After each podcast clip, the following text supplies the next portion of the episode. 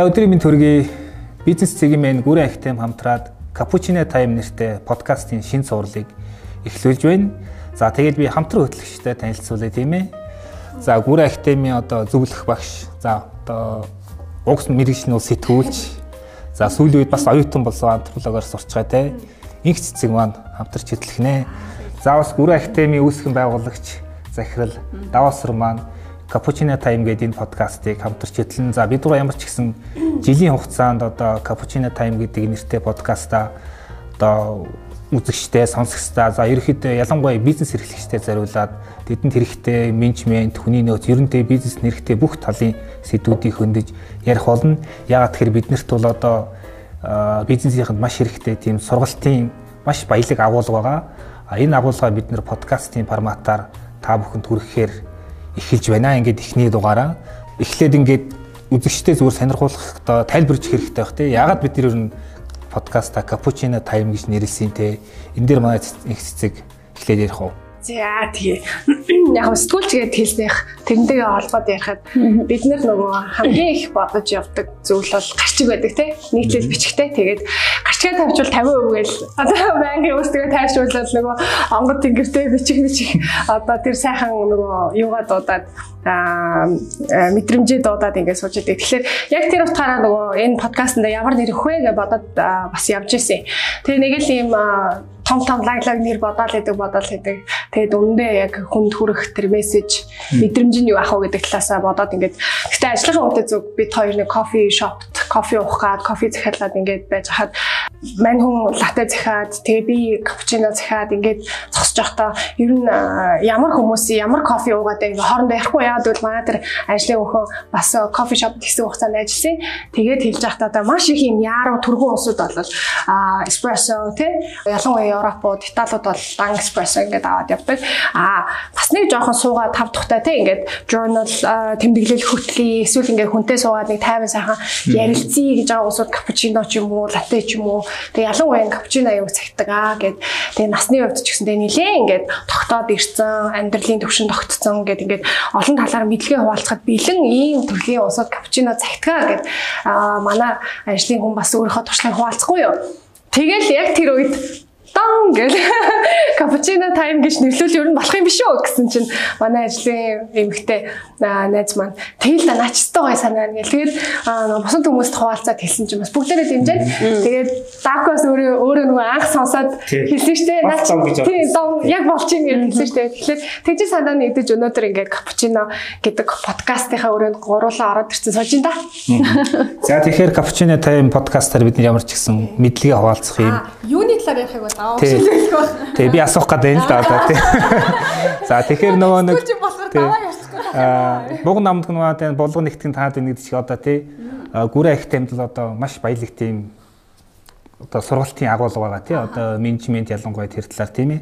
За бас бизнес имиж гэсэн бас одоо хуваалцахаараас хөрх хөрхөн санаанууд агуулгууд байдаг тий. Тэгээ энийг нийлүүлээд тийм гоё подкастын агуулга одоо болгоё гэсэн тийм ээ. Тэгэхээр Cappuccino Time подкастаар манай одоо сонсогч үзэгчид ер нь яг юу сонсно гэж хүлээх ёстой гэдэг дээр даасрын захирал маань бас хэлэх байх тийм ээ. Тэгээ. А сая одоо хэлж штэ cappuccino time гэд тий. Тэгэн гут одоо манай нэр хүртэл яаж юм хэр за мэдлэгээ хуваалцъя гэж нэгдүгээрт ингээ гаргаж ирж байгаа.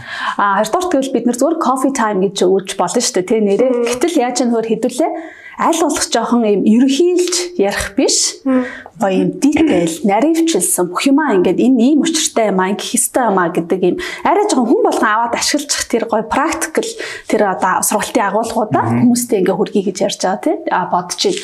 А нөгөө талаасаа хэм бол бид нар энийг яагаад наривчлсан байвал зүгээр вэ гэдэг дагаалах байгаа вэ гэхлээр хэдүүлээ ерөөсөө жижигхэн жижигхэн өөрчлөлтүүд бидний амьдралд маш том нөлөөллийг бий болгоод байна. Гэдгийг бид нэр сүүлийн 4 жил энэ том том олон улсын хөтөлбөр сургалтын агуулгуудыг яриад байгууллагуудад болон хувь хүмүүст ингээд заагаад жижигхэн өөрчлөлт чинь л биднийг том нөлөөлөл амьдралд чинь том нөлөөллийг том өөрчлөлтийг авчирдсан байна гэж ер нь ерөөсөө л ойлгочлаа. Тийм учраас хэдүүл айл болох наривчлалтай өдөр болгон бид нар өөрсдийнхөө амьдрал дээр жижигхэн өөрчлөлт хийгээд яаж гой цаашаа хэдүүлээ хамттай авах уу тий тэрийг хэдүүлээ ярилцъя. А нөгөө талаасаа гэх юм бол бид нар яалтчгүй сүүлийн 4 жилийн хугацаанд 30 гаруй мянга хүмүүсийг ингээд сургасан байна. За ихэнх нь бол мэдээж хэрэг манай хүмүүсийн хөгжилд, хүмүүсийнхаа боловсролд ингээд ач холбогдол өгж байгаа буюу манайхан томоохон татвар төлөгч байгууллагууд байгаа тийм. Бид нар маань бол яалтчгүй эцсийн дүндээ бид нар бизнесээ сайжруулах гэх юм бол хүнээ хөгжүүлэх хэрэгтэй байна. Хүндээ анхаарах хэрэгтэй байна гэд тэрийг ч нэгэд ойлгоцсон учраас ингээд сургалтын дээр ач холбогдол өгөөд ингээд явж байгаа. Гэтэл бид нар одоо зүгээр одоо энгийн тийм жижиг дунд бизнес эрхлэгч нар 200 гаруй хүнд 200 хүртэл хүнтэй за нэг орлого нэг юу гэдэг нэг 2-оос 5 тэрбумын хооронд байгаа эдгээр байгууллагууд чинь болохоор яаж юм нөхөр яг бас энэ сургалтын агуулгаар хурч хүмүүсээ ингээд сургаж чадахгүй байгаа гэх шиг. Тэгэхээр тэр хүмүүстэй ч гэсэндээ гоё те эндээс ингээд бэлэм байгаа батлагдсан юм гоё контентээр агуулгаар ингээд суралцаад хүмүүсээ сургаад өөрсдөө хөгжөөд яваасаа те. Тэгэхээр жилийн турш хэдүүлээ бол яа сард 2 удаа подкаст гэдэг бол бас аваа хөрхөн мэдлэг мэдээлэл хуваалцчих байх гэж бодод байна. Тэгэхээр бизнесийн гүр ахтын хоёр нөгөө ажил хэрэг юм бол урт хугацааны хамтын ажиллагааны түүх байгаа тийм ээ. Тэгээ одоо тэрийг тийм арай баялаг шатанд гаргая гэсэн үднээс бод нарын подкастын контентийг одоо санаачилсан. За тэгээд эхний дугаар маань эхэлж байна. Эхний дугаараараа бас ямар сэдвээр ярилцахыг үзэгч одоо сонсогчд хэлэх ёстой байх тийм ээ. Гуруулаа. Гуруулаас ярилцсан тийм ээ. Ер нь ямар сэдвээр одоо эхний дугаараа бэлдүүл зүгээр өгөө, юу хариул зүгээр өгөө те.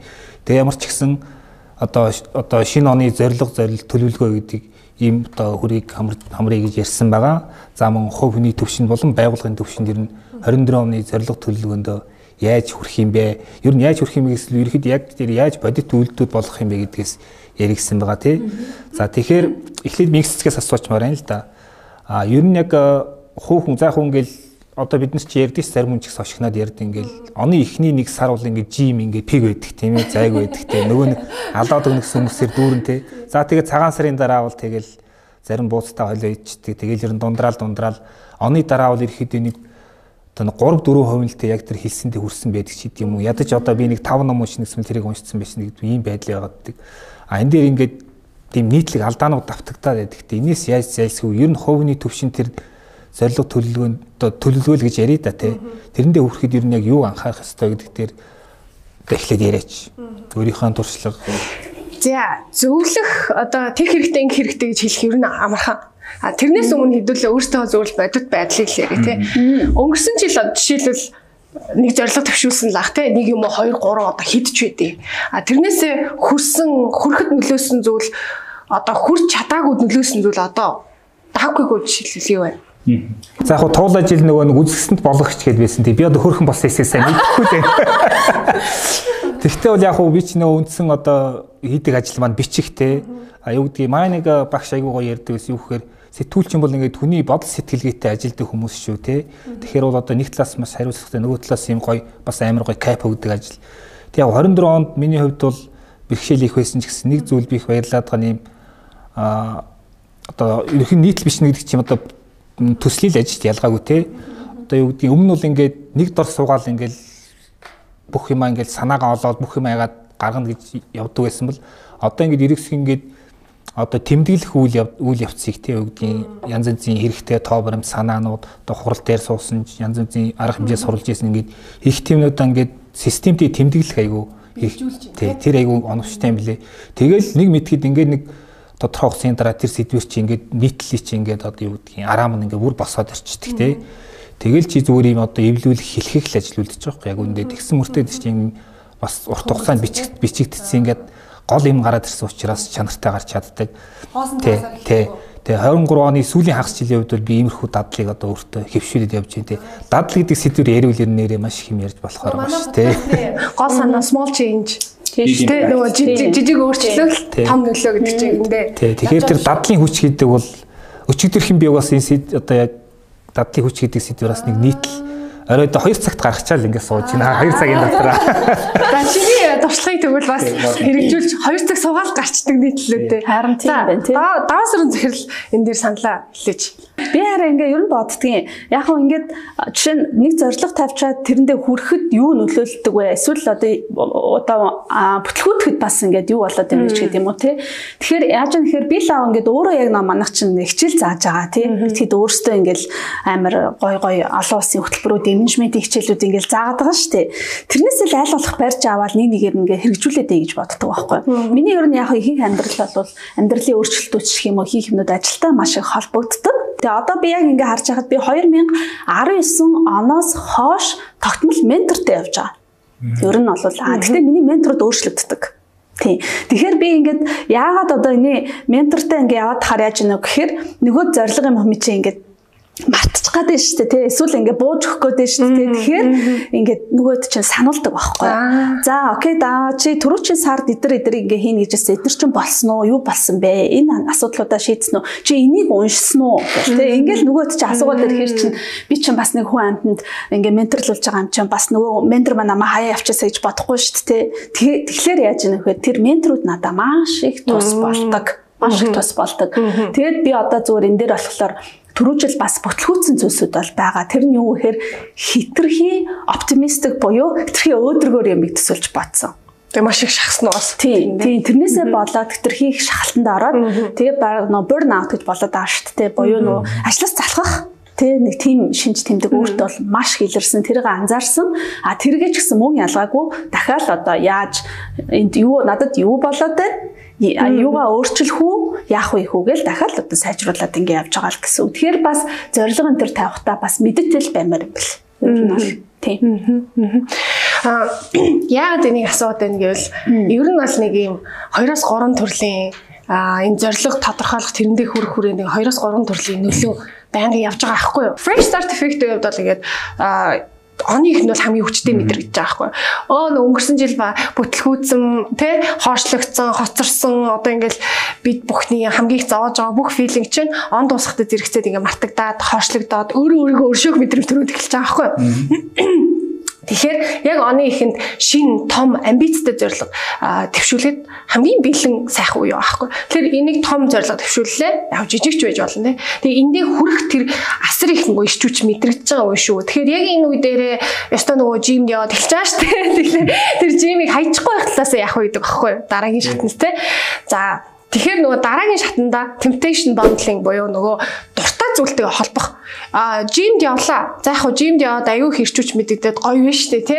Тэгэд эхэлцэндээ гэж бодож байгаа бас нэг хэрчүүч байгаа. Тэгээд дундаасаа ядарлаа, ажилдаа хавсарлаа, ажил амар их болоод ажил ихсээд ирсэн чинь жимээ хайдсан юм уу болоод ингэ ирж байгаа дээ. Тэгээд тэрэнгүүт яаж яах вэ нөгөө жим өөрөө ядаргаа юу эсвэл ядаргаа тайлагч юу гэдгийг бас нөгөө өөрөө өөртөө одоо кодлоод бас бодох нь шүү дээ. Тэгэхээр жим Жим дээр ингээд ачааллаад те дасгал хөдөлгөөн хийж байхдаа хажуугаар нь подкаст сонсд юм уу, гоё дуу сонсд юм уу те ингээд эсвэл йога хийж яж болно шүү дээ. Йога ч юм бол сайхан амрааж байгаа те нөгөө талаасаа тэгээ медитейшн хийд юм уу. Тэгэхээр нөгөө их ажлын хажуугаар тэнцвэржүүлж байгаа одоо нэг хэсэг нь шүү гэдэг утгаар хараад дуртай зүйлээ одоо тэр подкаст тэр дуу энтертэйгээ холбоод энэ хэрэгтэй дасгал хөдөлгөөнөөр холбочих юм бол эн чинь нөгөө дуртай хийдэг зүйл болчихж байгаа байхгүй. За commitment device-ыг бий болгож байгаа. Өөрөө өөртөө. Одоо оны ихэнд хүмүүс чинь би яста та нарт зарлчвал яг би илүүлчих юм шиг байна гэд ингээд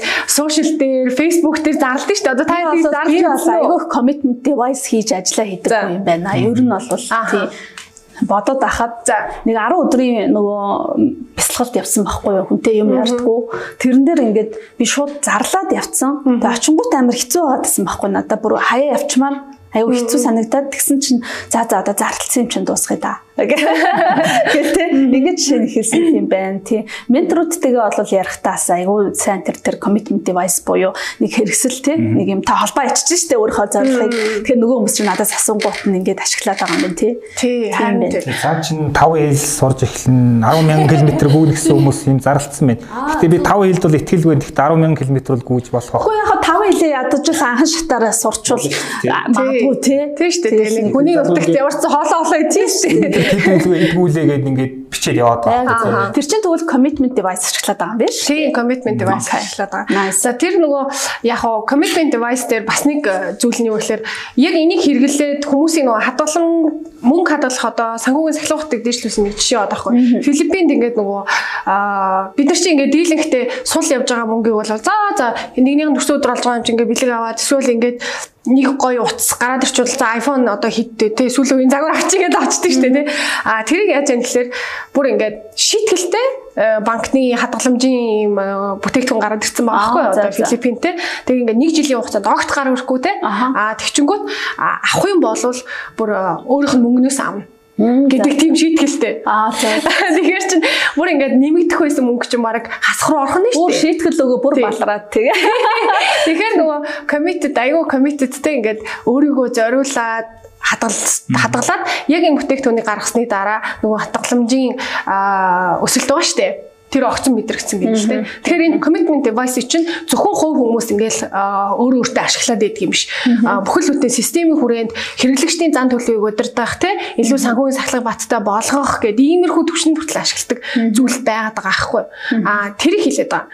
За temptation bundling дээр энэ нөгөө нэг Carrie Milkman гэдэг нэг behavior scientist байдаг. Тэр нөгөө нэг бас нэг жишээ хэлсэн байхгүй. Ингээд мат гэдэг хичээлийг яаж хүүхдүүд дуртай хийх вэ гэдэг те ингээд та бодно гэхээс ингээл зарим нь бол ингээл тооны тавтлах хэрэгтэй ихтэй бөөн зовлон зүтгэр болоо ирж байгаа шүү. Тэнгүүт яаж яах гэхээр ингээд өрөөгөөрөө дүүр юм өнгө өнгийн гой палмастер те цаас ингээд нэг юм өнгөлөг те ингээд цаанаасаа юм хиймээр болтол юм гой гой юм бичгийн хэрэгслүүд тавьсан байгаа байхгүй.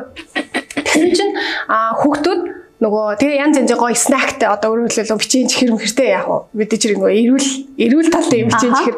А тэгтээ ингээд нөгөө tea break цайны кофений завсарлага энэ ч аюу гоё юм. Өрнөлттэй болгож өгдөн штэ гоё янз бүрийн юу тавиад жигнэмэг тавиад тэгээ сонгох боломж олгоод ингээд ирсэн чинь хүүхдүүдийн одоо тэр тооны нөгөө сонгон дууланда тэгээ өөрөө сонгож ирж байгаа дуулангийн эрт нэмэгдээд хүүхдийн тоо нэмэгдээд дээрэс нь хүүхдүүдийн тоондоо сайн болж байгаа нь илт мэдрэгдээд ирсэн гинэ. Энийг нөгөө temptation bundling гэж хэрэглээд байгаа байхгүй. Одоо жишээлбэл сургуулийнхан бол багш нар бол temptation bundling ингэж хэрэглэж байгаа байхгүй. Хүүхдүүдийг математикт яаж илүү дуртай сайн дураараа хийхэд нөлөөлөх вэ гэж байгаа. Тэ? Тэгэхээр бодлогын төвшөнд ингэж болно шат шатанда. Тэгэхээр яаж яах гэхээр гуруулаа ингээ хамт байж байгаа цагт одоо бид гурвын зориг биелэх, бид гурвын бие биендээ одоо шахалт үзүүлж байгаа чинь илүү л хүчтэй байгаа шүү дээ, тэ?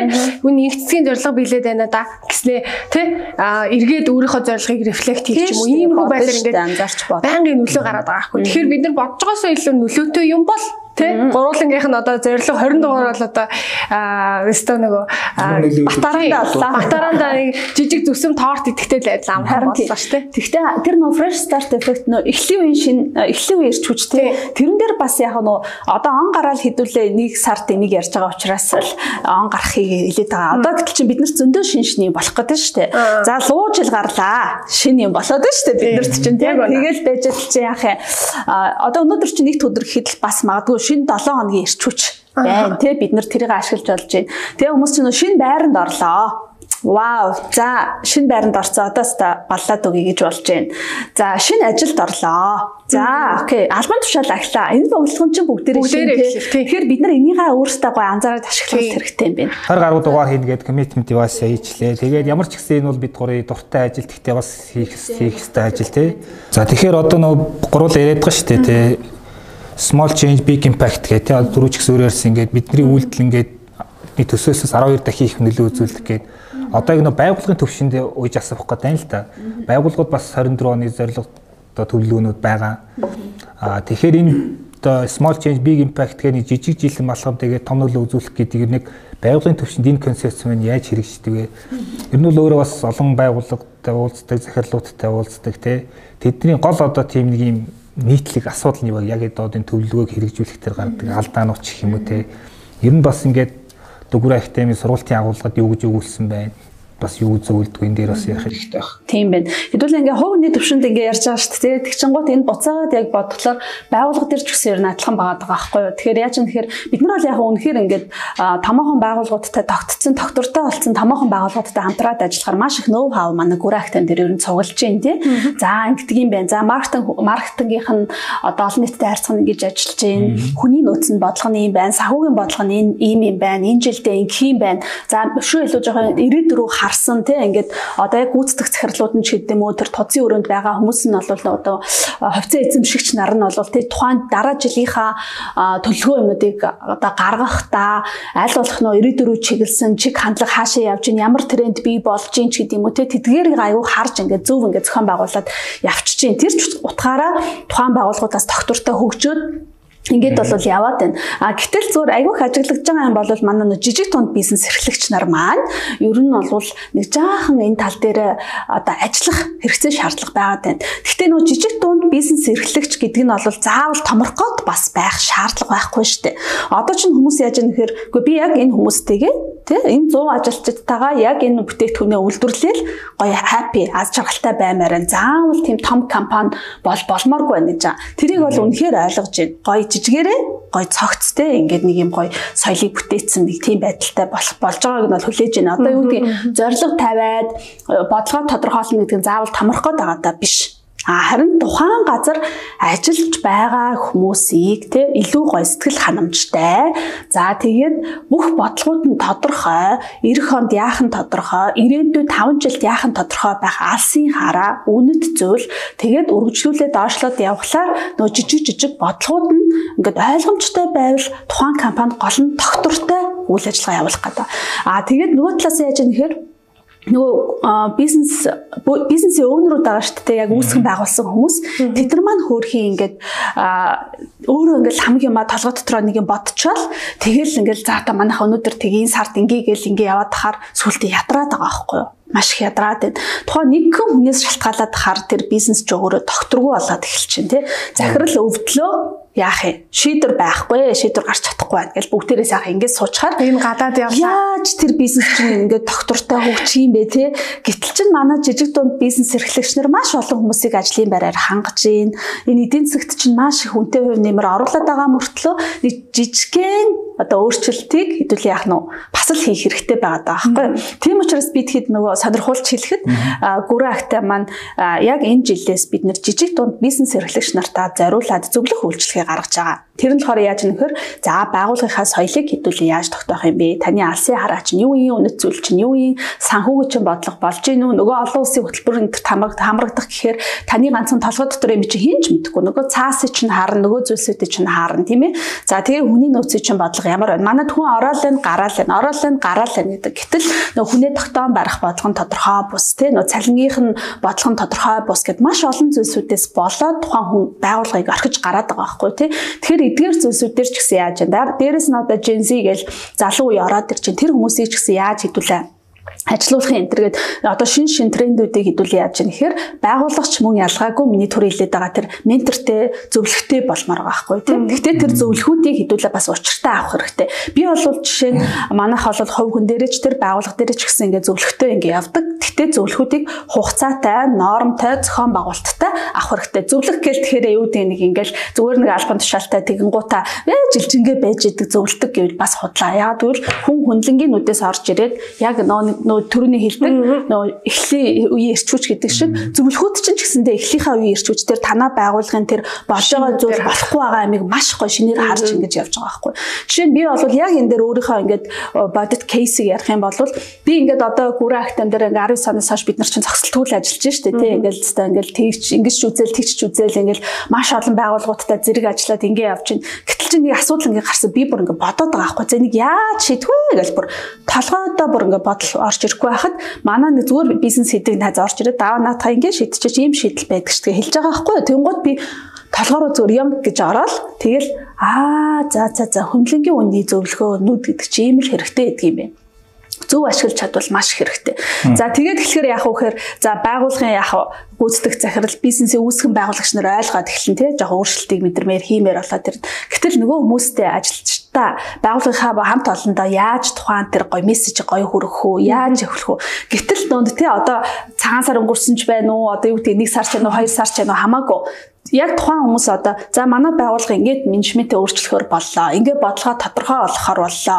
Бид нар одоо бүтцээ дахиад ингээд гоё шинжилгээ зурж ийна гэд тэ. Тэгээ өөрчлөлтийнхаа менежментийг зөв хийгээд ингээд явчих юм бол танаа байгууллагын бүх ажилчид эхлэлийн үе ирч хүчтэй болно гэсэн.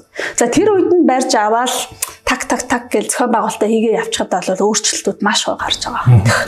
Саяхан бас нэг захирлууд ярьжсэн одоо туршлагатай захирал юу гэсэн хэрэг одоо Монголын ихэнх бизнес ялангуяа нөө жижиг дундынхын маань хүн төвтэй байгаад байна. Захирал төвтэй. Тэ одоо захирал байхгүй бол ингээд ажил доголдчихдаг. А процесс төвтэй болох хэрэгтэй. Энэ угаасаа гэхдээ яг одоо юу гэдгийг Монголын бизнесийн орчны гол асуудал байгаад да. Яг процесс төвтэй болох гэдэг. Гэтэ гол асуудлыг бид нар ингээд ярьж байхад хүн болгон асуудлаа мэдээд байгаа. Бид нар мэддэг штэ. За одоо тамхи татах нь биэнд муу гэдэг байгаа мөртлөл татаад байдаг штэ. Тэгэхээр чин тэр чи яаж яана вэхээр одоо манай жижиг дундын захирлал бүгд асуудлаа мэдчихэж байгаа. Тэ? Надаас ингээд бүгд хамаарад байна. Ингээд байна, болохгүй байна гэдэг байгаа боловч өөрхийн ингээд яг хаанаас эхлэхээс мэдэхгүй байгаа байхгүй. Тэ тэгэхээр тэрэн дээр бол бид нар яадаг ингээд яг л өөртөө тохирсон тухайн бизнестэй тохирсон маш тийм зөв хүмүүстэй хамтарч ажиллаад тэ тэгээд өөрсдийнхөө сэтгэл зүйч гэсэн бэлдээд За би өөрчлөлтөнд бэлэн байна гэж бэлдээд тэгээд нэг юм процесс төвтэй болохгүй болвол бизнес тогтрохгүй байна. Тэгээ өөрчлөлт нөө сэтгэл зүй гэснээс бас нэг юм санаа бас саяхан нэг хүн надад хэлсэн үг гэхээр одоо нэг Монголын бизнес чинь нөгөө нэг үүсгэн байгуулагч нь өөрөө ингээ нөгөө нэг бизнесээ удирдаад одоо юу гэдгийг менежмент хийгээд SEO хийгээ явчихдаг юм гээд уламжил давмгаалцсан байгаа шүү дээ. А гэтэл одоо энэ юу гэдгийг энэ аймгийн комплекс юм одоо бизнесийн амьдралын орчинд бол явхаа байж байгаа байхгүй. Нөгөө хүний маань цэнийг яаж хүрхгүй тэр мэдлэг туршлага үүдээ. Тэгэхээр тэр бизнесийн удирдан менежмент хийгдэх чинь тусгай бас юм нэг одоо мэрэгжил шахуу тийм тусгай чухал ажил болчоо тий. А гэтэл нөгөө хүмүүс маань ингээд анх тэр үүсгэн байгуулж явах үеийн одоо майндсет сэтгэлгээгээр ингээл бизнесээ явах гэдэг. Гэтэл одоо ингээд их их бизнес төр харахаар яг тэрнээс болоод хүмүүс нь тогтгоо байцсан ч гэдэг юм уу нэг л юм уучраа болохоо байцсан л байгаа юм л да. Тэгэхээр юу гэдгийг түрүүн бас гуруула ярианд дурдсан тий. Өдөрдөг ч хүн гэдэг заавал ингээд шилдэг нь байх албагүй тий. А гол нь ингээд нэг тэр нэг доор байгаа хүмүүсийнхаа дотоод потенциал боломжийг нээж чаддаг тий. Чи мундаг шүү гэдгийг нь ойлгуулж чаддаг тийм хүн юм байж байгаа бас нэг жишээ яхад ингээд одоо нэрийг санахгүй нэг английн дуучин ингээд ерхий сайд нэр дэвших гэсэн юм байл да. Тэгээд ийм хоёр хүнтэй уулзсан байгаа. Нэг хүнийх нь өрөөнд ороод гарах дэвж бодсон хэрэг өө хин ямар амар мондуу хүн би үнэхээр л ингээд хүмүүс яадаг үний юм. А дараагийн хүний өрөөнд ороод гарахтаа би ч ийм мундаг байсан юм шүү дээ. Тий би ийм хийж чадах юм дээ гэд. Тэгэхээр удирдах сэтгүүлийн хоёр дахь тайп юм байх хэрэгтэй болчиход байгаа байхгүй тий. Тэгэхээр нөгөө бидний одоо өөрчлөлт гэж яриад байгаа одоо тий энэ 24 онд ер нь яг юугаа өөрчлөх үү гэдэг дээр бас энэ бас энэ санааг бас өгөө зүгээр юм шиг. Яг тэгэхээр тэр майндсет сэтгэлгээ эхлээ өөрчилжүүл дараа нь ингээд бас олон зүйл өөрчлөгдөж болох юм аа. Тийм. Одоо ингээ хүмүүс ингэдэг. Одоо маань ч бүтээл сэтгэлгээ гэж зааж байна те. Бүтээл сэтгэлгээ гэл тэгэхээр заавал нэг юм тийм өсөлтийн сэтгүүтэй байх хэрэгтэй, бүтээл сэтгэлгээтэй байх хэрэгтэй гэдэг ингээ ярьж байгаа. А гэтэл бүтээл сэтгэлгээ буюу нэг creativity гэж яриад байгаа шүү дээ. Энд чинь заавал зураг зурагч юм урлагийнх нь биш байхгүй да. Танай байгууллага дээр нэг ажил асуудал гарлаа гэхэд тэр чинь яаж бүтээлчээр шийдэх юм бэ? Тухайн хүн чинь гоё хүмүүсээ гоё бүтээлч болгож орчныг бүрдүүлж өгөх чинь л захирлын ажил болохоос ш өөрөө бүтээлч байгаад өөрөө өсөх сэтгэхүйтэй байгаад нөгөө хүмүүсээ шийдэж чадахгүй бол ямар ч тийм үр дүн гарахгүй байгаа байхгүй. Би тэгэд мэдэн те манай эцэг битгэд нөгөө юун дээр хамгийн анх 2019 онд манай гүрэ ахт амч нь яг ХХК болоод явж илаа штэ. Тэр үед бол бид нар дээр хамгийн хамгийн анх ажилд орсон хүн бол Стэнфордын шилдэг төгсгч байхгүй Стэнфордын шилдэг төгсөгч Эми Эми Лав Томасо гэдэг эмэгтэй ирж бид нар дээр яг 5 сар ажилласан. 5 сар ажилласан. Тэр эмэгтэй өөрөө Итали руу яваад ажилд орох нь бид нар гуйсаар агаад Аз гоё штэ, Монгол гоё штэ гэсээр агаад авч ирээд бид нар энд ажилласан. Тэгэхэд бидний бол ерөөсөө ингээ бүх юмнуудыг гоё зэгцлээд янзлаад нэг юм хэлнэ, гаргаал, нэг юм хэлнэ, гаргаал энэ судалгаатай юутай айтэн тий. Ингээ гаргаад байна. Тийм тийм учраас бид нар яаж нөхөр захирал өөрөө мянга мундаг байгаад мянга бүтээлч аваад нэмэрхүү тэр үн чи ядраа штэ тий. Ядраал явна. Тэгэхээр хэдүүлээ яг бүх хүмүүсэл хүмүүсээ тийм гоё болгож хөгжүүлэх хэрэгтэй тийм. Тэр хөгжүүлэх юм чинь нэгэн удаа бас болоод болчих юм биш. Хэдүүлээ сэтгэлгээгээ бэлтэж хагаад жилжингээ балбах байхгүй. Тэр нь л тэгээ захирал өөрийнхөө өөрийнхөө бизнесийг өөрөөр хязгаарлах амар юм хичнээн мундаг байсан ч ер нь тэр аяг оновчхон юм лээ те. Яг тэгэхээр бизнес чи ингээд хуу хүнээс одоо хуулийн этгээд гэж ч гэсэн одоо бид нэр хуулийнхаа хуулиндээ тийм нэр тэмээ те. Тустай юм одоо англиар бол entity гэдэг одоо бодгаал шүү дээ. Одоо байгуулга гэдэг чинь тусдаа амьдралаар амьдрах хэвээр тийм байгаа хөө тий. Их цэцэг ямар санаа нэмэлт. Би энэ дээр бодод аа. Яг суралцах гэдэг дээр нөгөө манайх манайд яг юм шатлалын дараа л ингээд аюу хүчтэй байдаг шүү дээ. Тий ингээд захирал тэгээд доошоо ингээд ийм аа юу дээрээс доошоо тий.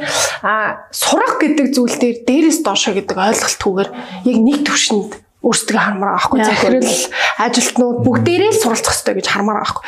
Яаж хурдтайгаар өөрчлөгдөж тий цаг үеэ дагаад асар их юмыг зэрэгцээ сурах хэрэг гарч ин да. Тэгэхэд өнөө одоо 10 жилийн өмнө сурсан тэр маш их ном уншдаг хүн байж болно тий. Гэхдээ тэр их номыг уншаал энэ уншаал энэ уншаа дууссан гэдээ ойлгоцсон бол энэ мэдлэг хоцорч байгаа байхгүй хоцрогдож байгаа байхгүй. Тэгэхээр энэ хоцрогдож байгаа өдөр өдөр тутмаар мэдлэг нь хоцрогдоод байхад нэмээд сурахгүй бол яаж тэр одоо яг одоо суралцж байгаа хүмүүстэйгээ ижил төвшин буюу илүү төвшин байх юм. Тийм тэгээ эн чинь одоо ингэж аа яг энийг ингээл одоо юу гэдгийг бид нар ажиллаж штэ маш олон байгууллагуудтай хамтарч ажиллаж байгаа учраас эн чинь бас л ноу хау байхгүй ямар ноу хау бид нар одоо жишээ нь хэлэхүү гэхээр штэ ямар газар хөгжөөд ямар хүмүүс ямар байгууллагуудын одоо тэр бизнесийн цэцэглээд байна уу гэхлээр штэ.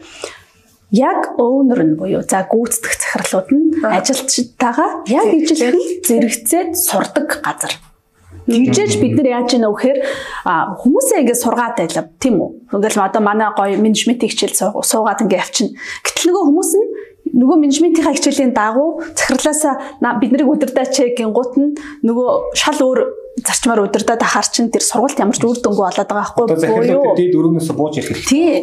Тэгэхдээ бууж ирдэг болсон. Одоо захирлууд бол яг амжилттай явж байгаа хүмүүс ерөөсөө л бууж ирээл яг зэрэг яваад байгаа байхгүй юу? А нөгөө хөгжиж чадахгүй байгаа нөгөө захирал нь өсөлтөлгөөгөө зулгаагаад байгаа чинь яаж ч нөхөр өөрийгөө тусгаарлчаад байгаа байхгүй юу? Тэр бас айгүй алдаатай буюу хэдүүлээ менежментийн нэг хэлээр ярьж чадахгүй болчихж байгаа байхгүй юу?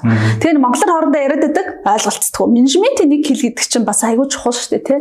Тэгэхээр тэрийг ерөөсөө нэгтгэж чадахгүй байгаа. Энэ бол бас л ноу хав тий хэдүүлээ бүгдээ гоё хөгжээ гэвэл яг хүмүүстээ зэрэгцээ сурах. Болор захирал бас нь хэлжээс ерөөдөө ингээд SEO гэдэг чинь яг явж явж зүгээр л холбон тоглох гэж аахгүй тий одоо үгдий тэр бол эрх мэдэл биш.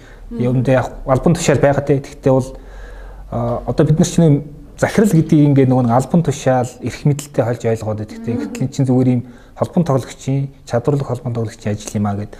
За тэгэхээр хоёр хамтран хөтлөгчтэй баярлаа. Эхний дугаараа ер нь юмсэн төгсгий гэж бодож जैन тий тэгээд өнөөдөр бидний ярьсан гол сэдв бол одоо хувь хүний болон байгууллагын төвшин дэрэн зорилго төлөв гэсэн сэдвийг тойрч ярьлаа 24 онтой холбоо тий. Тэгэхээр дараагийн дараагийн дугаараар бас юу ярих вэ гэдэг бас сонсогч сонирхож иж магадгүй тий ямар сэдв өндөгтгөөгээд энэ дээр манай хоёр хөтлөгч бас товч мэдээлэл өгөөд гурлаа подкаст өндөрлөд тийм ээ. За. За тэгээ а бид хэд яг уу ер нь бол хувь хүн бас өөрийгөө байгууллагын захиралч тэр одоо ингээд баг байгууллага дотор захирал өөрөө нөлөөлөгч болчихлоо шүү дээ инфлюенсер нь тий. Тэгэхээр бид тэд нөгөө хувьдаа өөрсдөө маш их одоо бие биенийхээ сэтгэл зүйн хувьд ямар байхыг тий эсвэл амжилтандаа хүрэх хэсгийг хоорондоо бие биендээ маш их нөлөө үзүүлээд байгаа аахгүй тий. Тэгэхээр энэ нөлөөлөл гэдэг зүйлийг бас бити дутуу өнгөлөөрэй гэж бид нар нөгөө нэг хүүхдийн сургалтаас ордог. Тэгэхээр эцэг эхчүүд бүгдээрээ тэгдэг байхгүй. Миний хүүхдэд бусад хүүхдүүд нөлөөлөд байна гэдэг байхгүй. Тэгэхээр би зөрүүлээ асуудаг таны хүүхэд ямар нөлөөлөлтэй вэ? Яаж нөлөөлж байгааг та энэ талаас бодож үзнэ үү гэж аяг хэлдэг байхгүй. Тэгэхээр энэ талаас хүн ер нь өөрийгөө бодож үздэг хувь хүндээ тий. Тэгэхээр яг энэ нөлөөлөл талаасаа бид нар бас юу гэж харж байгаа юм гэхээр сүүлийн үед манай одоо гүрэн актимаас well being тий минь доршхуу энэ их сөрөг дарамт стресс энэ бүхнийг даван тулахад хэрэгтэй байдаг ийм одоо хичээлийг хамгийн их авъя гэд хүсэлт ирдэг болчиход байгаа. А нэгт хоёрт бол яг энэ цаг үетэй гээ нийцээд бид нар одоо энэ хүнд одоо мэдрэмжийг бүгдээрээ хуваалцаж байгаа. Нийгмээрээ хуваалцаж байгаа энэ хүнд үед бид нар well being resilience мэд оршихуу болон одоо хүнд нөхцөлийг хэрхэн хурдтай даван туулж эргээд нормалны одоо тэр энгийн тий нөхцөлдөө орд юм бэ гэдэг талаар дараагийн подкастаасаа ярих гэж дараагийн подкаст дээр ярих гэж бодсон.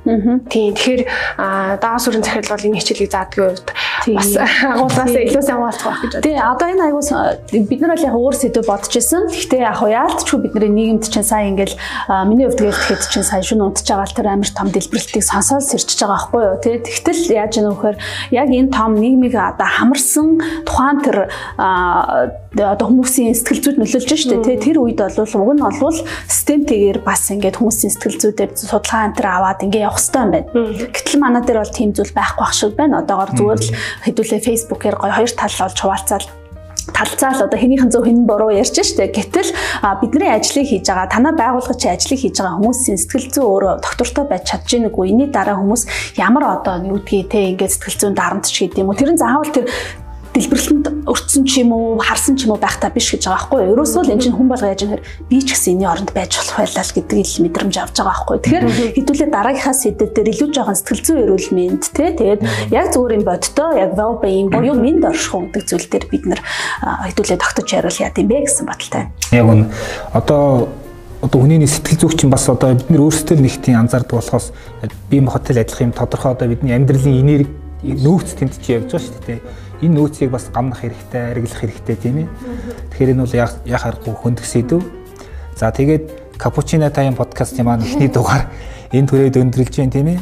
За. Аюу чанга байна тийм. Над бол таалагдчих чинь тийм аюу аюу гоё тий. Тий тэгээд одоо миний хамтран хөтлөгчөөр сэтгүүлч за сэтгүүлчлэгээ нэрлэлчээ да тийм ээ одоо өнгөрсөн юм. Инх цэцэгтэй багш бас оюутан тийм ээ. Гүрэ академийн үүсгэн байгуулагч даваасан за миний би бизнесмен эрх редактор даадорж байлаа ингээд дараагийн дугаар уулзцгаая тэр хүртэл минь дөршиж байгаарай. За. За.